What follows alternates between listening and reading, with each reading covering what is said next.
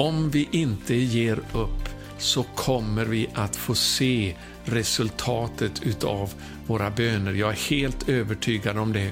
Ju längre det dröjer med ett ordentligt andligt genombrott, en förändring i vårt land och i våra länder i Norden, desto mer ivriga ska det göra oss att be ännu mer. För Gud har gett oss fantastiska löften vad han vill göra med Nordens länder. Jag vill uppmuntra dig att prenumerera på vår YouTube-kanal och också trycka på klockan så att du får ett meddelande i din inkorg när vi kommer ut med en ny video. Och om du gillar de här budskapen och vill att de ska nå ut så får du gärna vara med och stödja oss på något av sätten du ser här i bild, antingen Swish eller bankgiro. Tack! Kära bedjare i Sverige 714 och i Norden 714.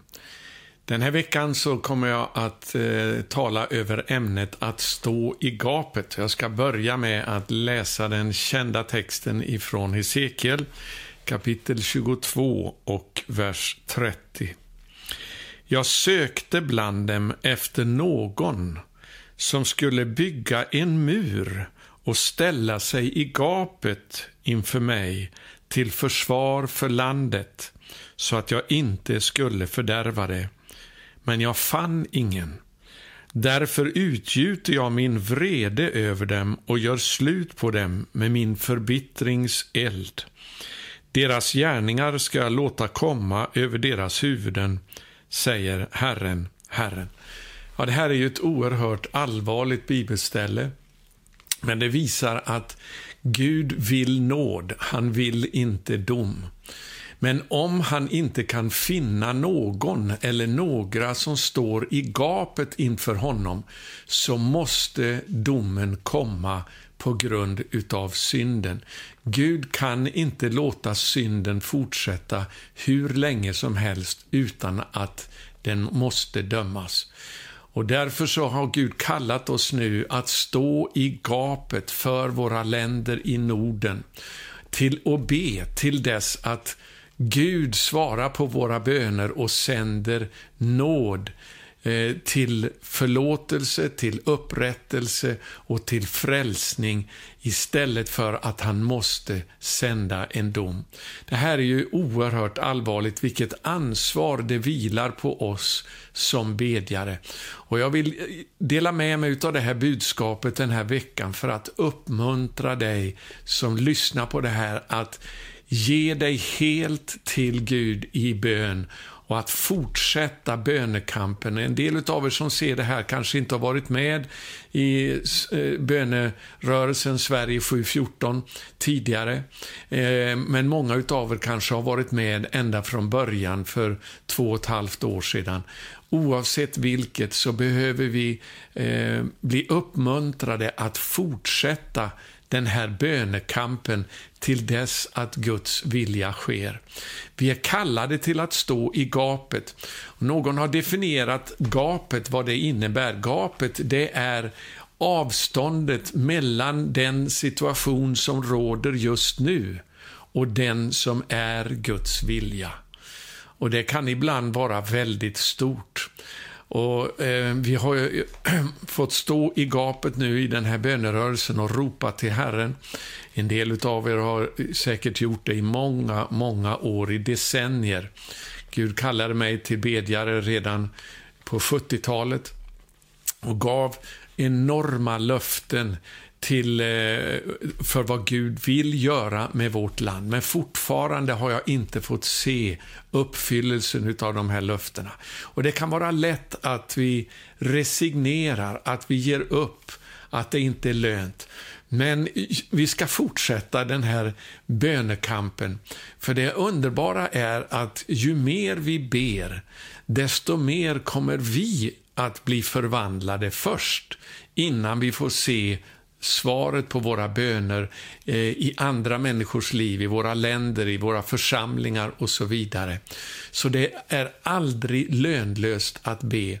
Eh, jag har för egen del märkt hur jag har eh, kommit närmare Herren under den här tiden då jag har gett mig själv till mera ihärdig och uthållig bön eh, så har det blivit en sån välsignelse i mitt eget liv.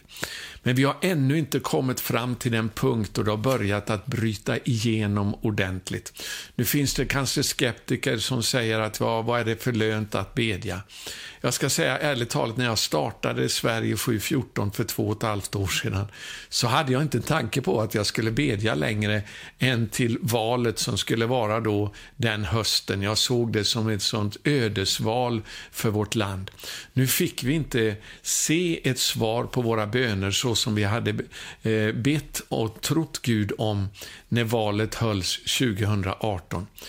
Men eh, det här har bara gjort mig mer beslutsam om att fortsätta den här bönekampen till dess att jag får se att det bryter igenom. Och jag vill dela med mig av det här budskapet den här veckan för att tända dig ännu mer också till bön. För om vi inte ger upp så kommer vi att få se resultatet utav våra böner. Jag är helt övertygad om det. Eh, ju längre det dröjer med ett ordentligt andligt genombrott, en förändring i vårt land och i våra länder i Norden, desto mer ivriga ska det göra oss att be ännu mer. För Gud har gett oss fantastiska löften vad han vill göra med Nordens länder. Och det, du kan gå till vår hemsida Sverige 714 där du kan se en del av de här eh, löftena som Gud har gett oss. Eh, den fin de finns också i boken Det upprättade landet som du kan skaffa ifrån vår hemsida. Eh, det är underbart att bli uppmuntrade utav de här löftena. Därför att det, det är meningen att vi ska be till dess att Guds löften går i fullbordan istället för att eh, det sker en dom över våra länder. Det är ett bibelställe som jag vill också stanna vid här den här veckan som är väldigt uppmuntrande ifrån Jeremia bok, det 18 kapitlet. Och det står det så här eh, ifrån vers 5. Och Herrens ord kom till mig, han sa, skulle jag inte kunna göra med er, ni av Israels hus, så som denne krukmakare gör. Eh, och Det handlar ju då om att han hade fått gå ner till krukmakarens hus och där fick han se hur krukmakaren höll på att göra en kruka utav leran. Eh, men det misslyckades i hans hand och då fick han börja om igen till dess att han fick en sån kruka som han ville ha. Och Det är det här som då eh, Herren ville visa Jeremia någonting genom att säga, skulle inte jag kunna göra precis på samma sätt som den här krukmakaren? Om det nu misslyckas eh, första gången så vill jag börja om igen till dess att jag får ett sådant kärl som jag vill ha. Och så fortsätter det här då i vers 7 med att Herren säger så här. Ena gången talar jag om ett hedna folk och ett rike att jag vill rycka upp, bryta ner och förgöra det.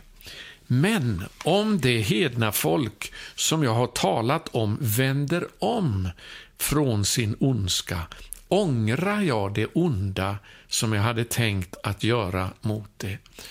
Och Det är det här som är det underbara, att Gud har en sådan längtan efter att få visa nåd när han finner sådana som står i gapet och ropar till honom i uthållig bön, då vill han sända eh, en, en förbarmade ångra den dom som han hade beslutat med att eh, utföra på grund utav synden. Och Det finns många varningar också över vad som väntar vårt land om vi inte vänder om till Herren. Men vi ska ställa oss i gapet och bedja och ropa till Herren om förlåtelse, om förbarmande, eh, till dess att vi får se Guds barmhärtighet vakna eh, på grund av de böner som vi ber, så att Gud kan komma med en underbar väckelse och upprätta våra länder och använda dem på det sättet som han hade tänkt. Sen står det också vidare här då, en annan gång, vers 9, en annan gång talar jag om ett hedna folk och ett rike, att jag vill bygga upp och plantera det. Men om man då gör det som är ont i mina ögon, så att man inte hör min röst, då ångrar jag det goda som jag hade sagt att jag ville göra dem. Säg därför nu till judamän och till Jerusalems invånare, så säger Herren. Se, jag bereder en olycka åt er och jag tänker ut en plan mot er. Vänd därför om, var och en från sin onda väg och ändra ert liv och era gärningar. Jag kan sluta där. Vi kan se genom hela Jeremia bok, oavsett hur illa det var, hur långt det hade gått. Gång på gång så kom Gud med ett erbjudande till folket. Vänd om till mig så ska jag ångra den här domen som jag nu har beslutat emot er. Och Det är därför vi ska fortsätta att be till dess att det sker en omvändelse på djupet i våra länder i Norden. Vi kan få se det om vi tar vara på Guds löften och fortsätter i bön. Därför Gud längtar efter att vi ska vända oss tillbaka till honom i sann ånger och omvändelse. Och som jag talade om förra veckan, om detta med gudsfruktan. En av bedjarna i Sverige 714 som eh, skriver så här. Det här har jag fått från Gud. Vi har förlorat gudsfruktan vi, att vi inte längre håller Gud för helig. Gudsfruktan är begynnelsen till kunskap, står det i Bibeln, och det var det vi talade om, det jag talade om förra veckan. Gudsfruktan gör att människor håller sig borta från synden, olydnaden och upproriskheten. Människor som fruktar Gud och Guds ord har rena händer, rena hjärtan och de följer Guds ord, för de vill ära Gud och Guds ord med sina liv. De är döpta i helgelsens ande. Och innan jag läser vidare här så vill jag bara säga att det här, den här e-posten kom långt innan jag spelade in budskapet, i själva verket redan för två år sedan som den här bedjaren skrev det här. Men det är en sån bekräftelse utav det som jag talade förra veckan om eh, början till sann vishet, för det handlar om gudsfruktan. Det är det vi har förlorat i västvärlden. Och Det här är en sån bekräftelse vad den här bedjaren skriver. Vi i västerlandet har förlorat gudsfruktan och förstår inte vad det innebär att förlora Guds välsignelse och beskydd. Gud tycker att våra lovsånger och gudstjänster ofta är buller och bång, ljud på ljud och abrakadabra, för det saknas gudsfruktan. Vi håller inte Gud för att vara helig och upphöjd. Och Det är det här, vänner, vi måste be till det sker en förändring. Hon fortsätter så här, den här bedjaren. Vi fortsätter att leva slarvigt och förstår inte att ära Gud med hela vårt liv. Vi kan titta på en dålig film, vi tolererar synden. Vi tror att Gud är en snäll farbror som förlåter oss allting i Jesu namn. Vi tror att det räcker med att ha tagit emot Jesus och sen halta på båda sidor. Att kompromissa att ha ett hårt, oomskuret och okänsligt hjärta för Guds ande. Vi bedrövar, sårar och utsläcker den helige Ande. Formerna finns då kvar, men smörjelsen är borta. Vi tror att vi alltid får förlåtelse, så då fortsätter vi att medvetet synda på nåden. Varför tror ni att kristna skiljer sig så lätt och tar så lätt på synden i församlingen och i världen? Vi har förlorat gudsfruktan och ett heligt liv. Vi håller inte Gud för att vara helig. Varje väckelse börjar med syndamedvetenhet, syndaånger, gråt, omvändelse från synd och ett sökande efter en helig Gud. Ingen ohelig kan komma nära honom. Barnet, det vill säga väckelsen, är på väg, men kraften finns inte att föda. Vår kärlek är ofta som morgonskyn och daggen som snabbt försvinner. Ordet predikas ofta med platt fall. Det blir som pannkaka. För Guds härlighet och hans närvaro och kraft saknas. Vi är nöjda med status quo. Vi vet inte om något annat. Vi kristna borde börja ransaka oss och söka Guds ansikte och välbehag. Vi ska vara heliga som Gud är helig. Vi är ett heligt folk, Guds prästerskap, hans kungabarn, kallade till att vandra i förberedda vägar och gärningar. Ja, vänner, hur långt bort ifrån det som Gud har tänkt har vi inte hamnat i vår tid. Men det finns en väg tillbaka. Och Det börjar med att några får en nöd över detta och ropar ut till Gud till dess att han kommer med sann omvändelse, synda medvetenhet som den här bedjaren skriver om här, att all väckelse börjar med syndamedvetenhet. Med att vi blir överbevisade om vår synd och sedan får en ånger över synden med gråt och omvändelse från synden. Vänner, det är det här som Gud längtar efter, det är det här han söker efter. Och jag upplever att vi har kommit en bit på väg och vi ska fortsätta till dess att vi får se tårarna rinna, till dess att vi får se en äkta syndanöd och en väckelse som förvandlar våra länder. Sverige och Nordens länder har hamnat så oerhört djupt. Men det finns fortfarande en väg tillbaka. Och det hänger på dig och mig om vi fortsätter att ropa till honom, till, dess, till Gud, till dess att han svarar på våra böner och sänder den utlovade väckelsen. Halleluja. Halleluja. Så jag känner bara att ju längre det dröjer innan vi får se uppfyllelsen av det här, för egen del, desto mer beslutsam blir jag att fortsätta till dess att jag får se bönesvar. Halleluja. Och som jag sa förut, eh, bönen den börjar med att förändra oss innan vi får se en förändring hos de människor och de sammanhang vi ber om en förändring hos. Jag ska ta ett exempel också ifrån Andra Samuelsboken om Davids hjältar som är så uppmuntrande. För det visar vad vi eh, exempel på hur vi bör vara nu. För Gud söker efter någon stod det där i Hesekiel. Jag sökte efter någon som kunde ställa sig i gapet. Och Jag tror att Gud har många idag som ber till honom. Men var och en av oss borde be som om vi vore de enda som ber. Och Det är det ansvaret som vi behöver ta på oss för att vi ska få se det bryta igenom. Låt mig ge ett sånt exempel till uppmuntran här ifrån en av Davids hjältar. Det står i vers 9 här i Andra Samuelsboken 23. Efter honom, det är alltså den första hjälten här, kom Eliasar. Namnet Eliasar det betyder Gud är min hjälp, eller Gud är min styrka.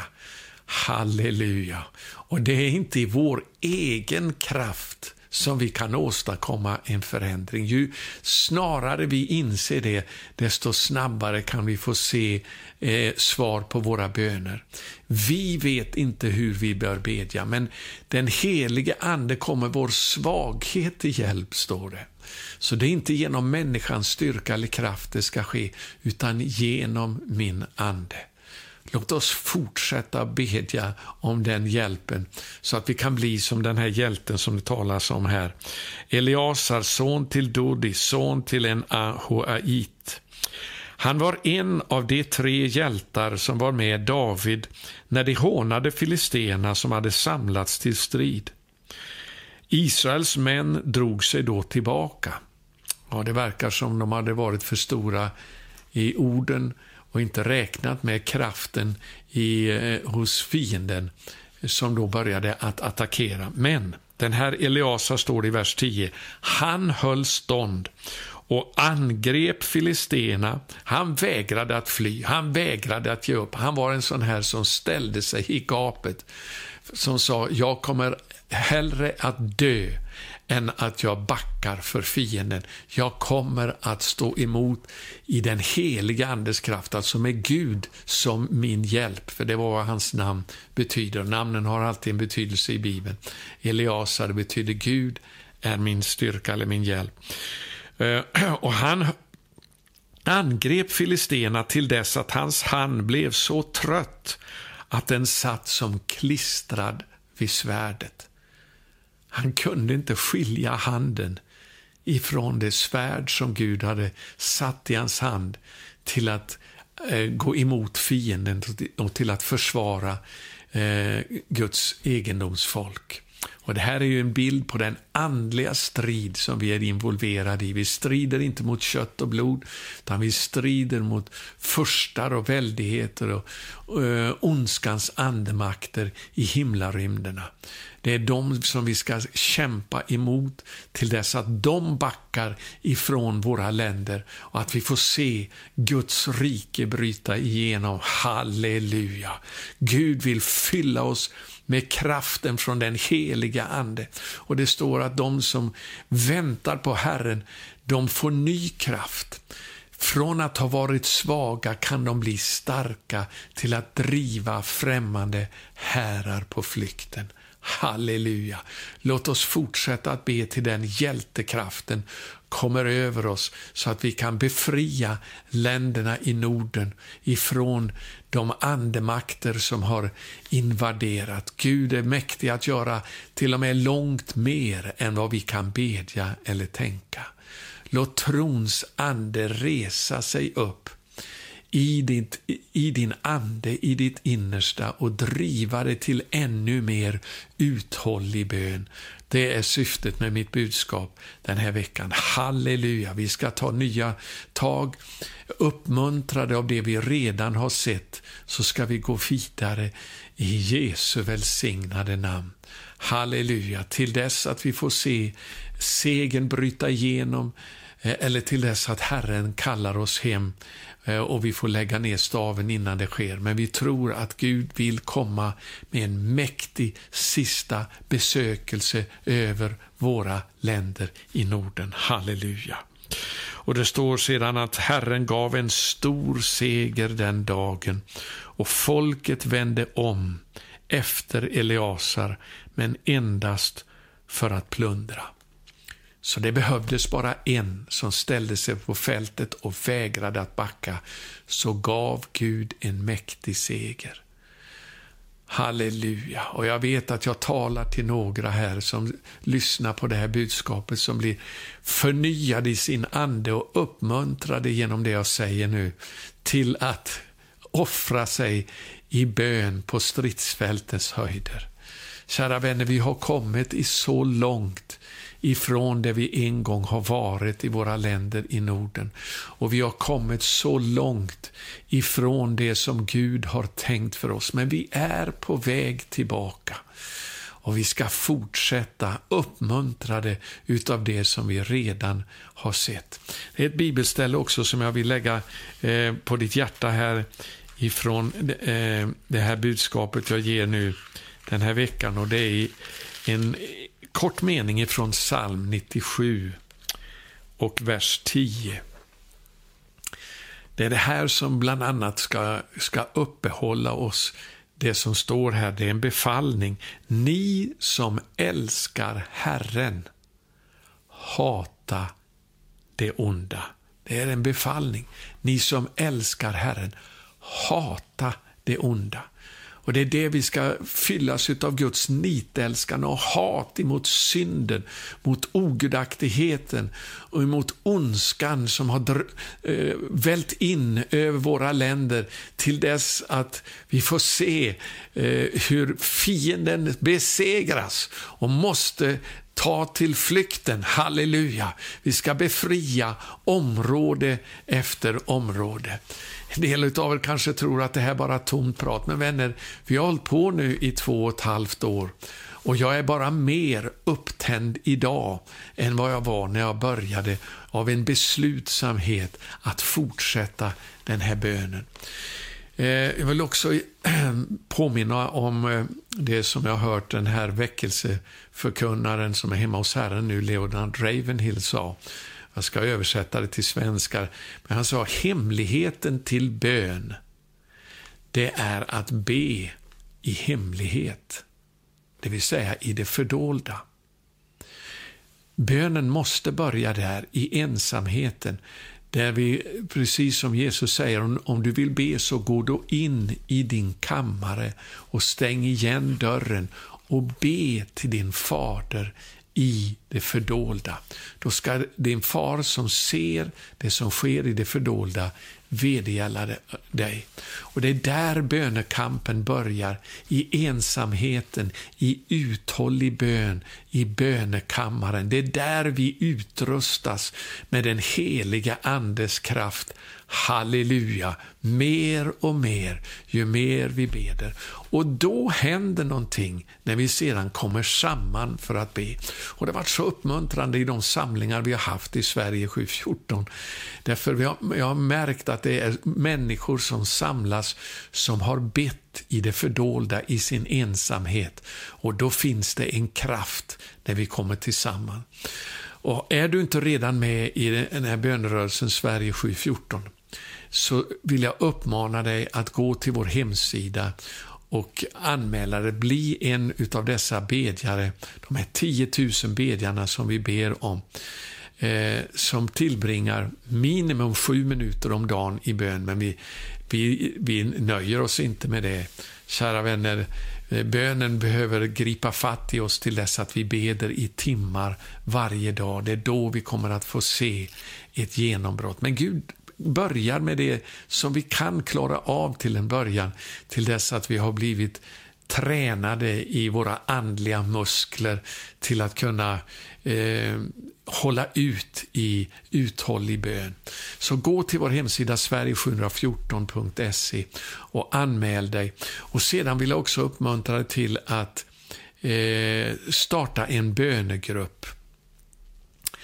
Uh, och Du kan också anmäla den bönegruppen på vår hemsida. Har du ingen att be med så kan du gärna skriva till oss. Nu vill jag säga det att vi, vi kommer att utöka den här tjänsten nu med fler medhjälpare så att vi kan klara av administrationen för det här bättre än vi har kunnat hittills. Så jag ber om ursäkt för att det har släpat efter under det senaste året för arbetsbördan har blivit för betungande. Men vi, vi håller på att få fler medhjälpare och vi ber också om fler som kan hjälpa oss. Och ju mer du stöder oss också ekonomiskt så hjälper du oss att bygga upp den här bönetjänsten till dess att vi får se våra länder i brand för Herren, en väckelsens eld det är det vi ropar efter, att väckelsens eld ska börja brinna ifrån norr till söder och öster till väster till dess att våra länder är i brand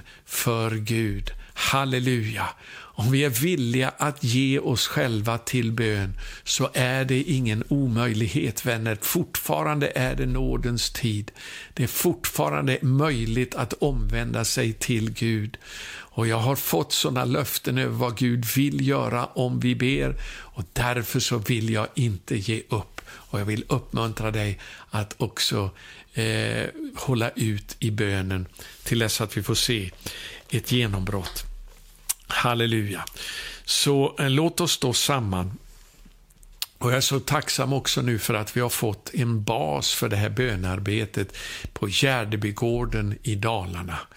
Och Det här är någonting som sker just nu i eh, de här, dagarna när jag talar in det här budskapet. Och Jag ber att ni ska fortsätta att be för oss och stå med oss. Har du möjlighet att kunna också eh, investera ekonomiskt i den här basen, för jag tror att den kommer att få bli en utgångspunkt för ett mäktigt Guds verk över hela Norden.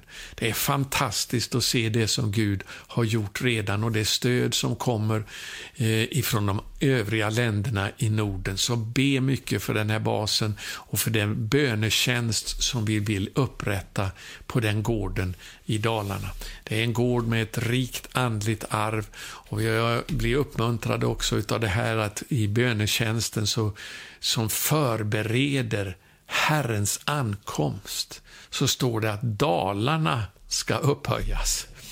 Och det finns ju en, en, eh, eh, en extra betydelse i det här genom att den här eh, gården nu som vi vill inviga till en bönealtare mitt i landet, att den ligger just i Dalarna. Det är en uppmuntrande indikation ifrån Herren att Gud vill göra mäktiga ting utifrån den basen också. Nu är det ju coronatider, men så fort det finns möjlighet att samlas så kan vi börja samlas även till konferenser på platsen. Så det är underbart. Halleluja.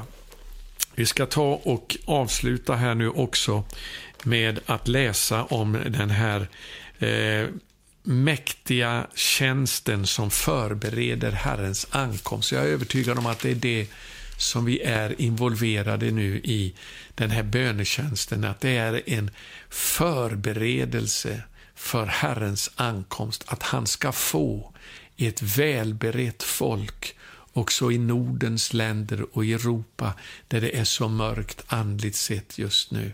Och Det står om denna Johannes döpare tjänst. Det är hur han kom i Elia ande och kraft eh, i Lukas kapitel 1. Jag ska läsa de verserna eh, och säga några ord om det. Men låt mig bara säga att det här är profetiskt också, inte bara för Jesu första ankomst, utan också inför hans eh, återkommande som konung och mästare och herre över hela jorden. Då han kommer för att döma hela världen, men då kommer han också att få ett heligt folk, ett väl förberett folk. Och det är den här eh, Elia andekraft som var över Johannes döparen som vi ska ropa efter också i den sista tiden, att den ska komma över oss nu när vi beder. Låt mig läsa dessa underbara verser. Det är Johannes döparens far Sakarias som profeterar över honom. Från vers 76 i Lukas 1. Och du barn ska kallas den högstes profet. Ty du ska gå före Herren och bana väg för honom. Vänner, den här heliga vägen, den behöver banas i Sverige och i hela Skandinavien och Norden. Den är eh, så igenfylld av stenar nu. Men någon måste betala priset för att upprätta den här heliga farvägen, Herrens väg, igen i våra länder. Och Det är den här kraften som var över Johannes döparen som vi ska be om. Du ska, stå återigen, till du ska gå före Herren och bana väg för honom och ge hans folk kunskap om frälsning, att deras synder är förlåtna. För vår Guds innerliga kärleks skull. I kraft av den, alltså i kraft av Guds innerliga kärlek, skall en soluppgång från höjden besöka oss, för att ljus ska skina över dem som sitter i mörker och dödsskugga och styra våra fötter in på fridens väg. Och Sen står det om Johannes döparen, och barnet växte upp och blev starkare i anden, och han vistades i öde trakter fram till den dag då han skulle träda fram inför Israel. Det vill säga, han växte till i den heliga Andes kraft och styrka fram till dess att väckelsen kom och då han började träda fram och predika omvändelsens budskap för hela folket. Det här ska vi be om. Och jag vill förena mig med er i bön just nu och ber att du ska förena dig med mig också eh, när jag ber tillsammans med er just nu. Kära himmelske far, vi tackar dig för löftena du har gett. Vi tackar dig för att din hand, din arm är inte för kort till att kunna frälsa. Vi tackar dig för att din kraft, den är inte för liten. Du har makt att kunna förvandla våra länder i Norden till dess att en äkta väckelse bryter fram och förändrar våra länder på djupet. Herre, vi ber om denna uthållighet i bönen till dess att väckelsens eld sätter våra länder i brand för dig, Herre. Till dess att du kommer med frälsning över människor, till människor som nu är på väg till förtappelsen, till att gå förlorade.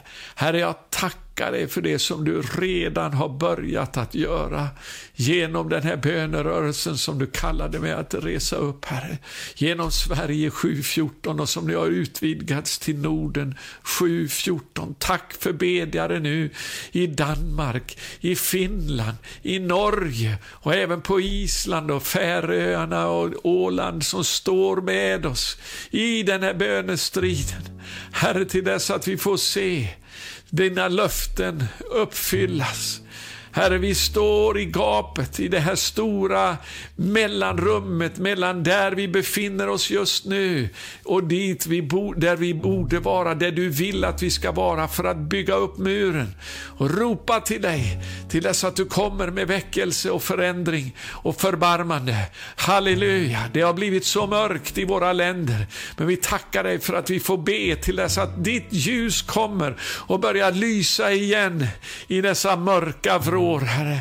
De människor som nu inte vet någonting om frälsningen genom Jeshua Messias, Jesus Kristus, världens frälsare och Herre som har gett sitt liv för att frälsa människor. Halleluja! Jag tackar dig för att du vill ge oss denna styrka, denna uthållighet i bönen till dess att vi får se en förändring och en förvandling av våra nationer. Jesu välsignade namn. Jag ber att du besöker varje bedjare som tittar på den här videon. Jag ber att din heliga Ande, bönens Ande, helighetens Ande, Guds fruktans Ande kommer över ditt folk igen. Och var och en som lyssnar på denna video. I Jesu välsignade namn. Amen. Tack till dig som har bett med oss under de här två och ett halvt åren eller kanske bara de senaste veckorna. Tack för att ni står med. Det är tack vare era böner som vi har kommit dit vi är just nu. Men nu ska vi se fram emot ett fullständigt genombrott för Guds ande över våra länder. Gud välsigne dig.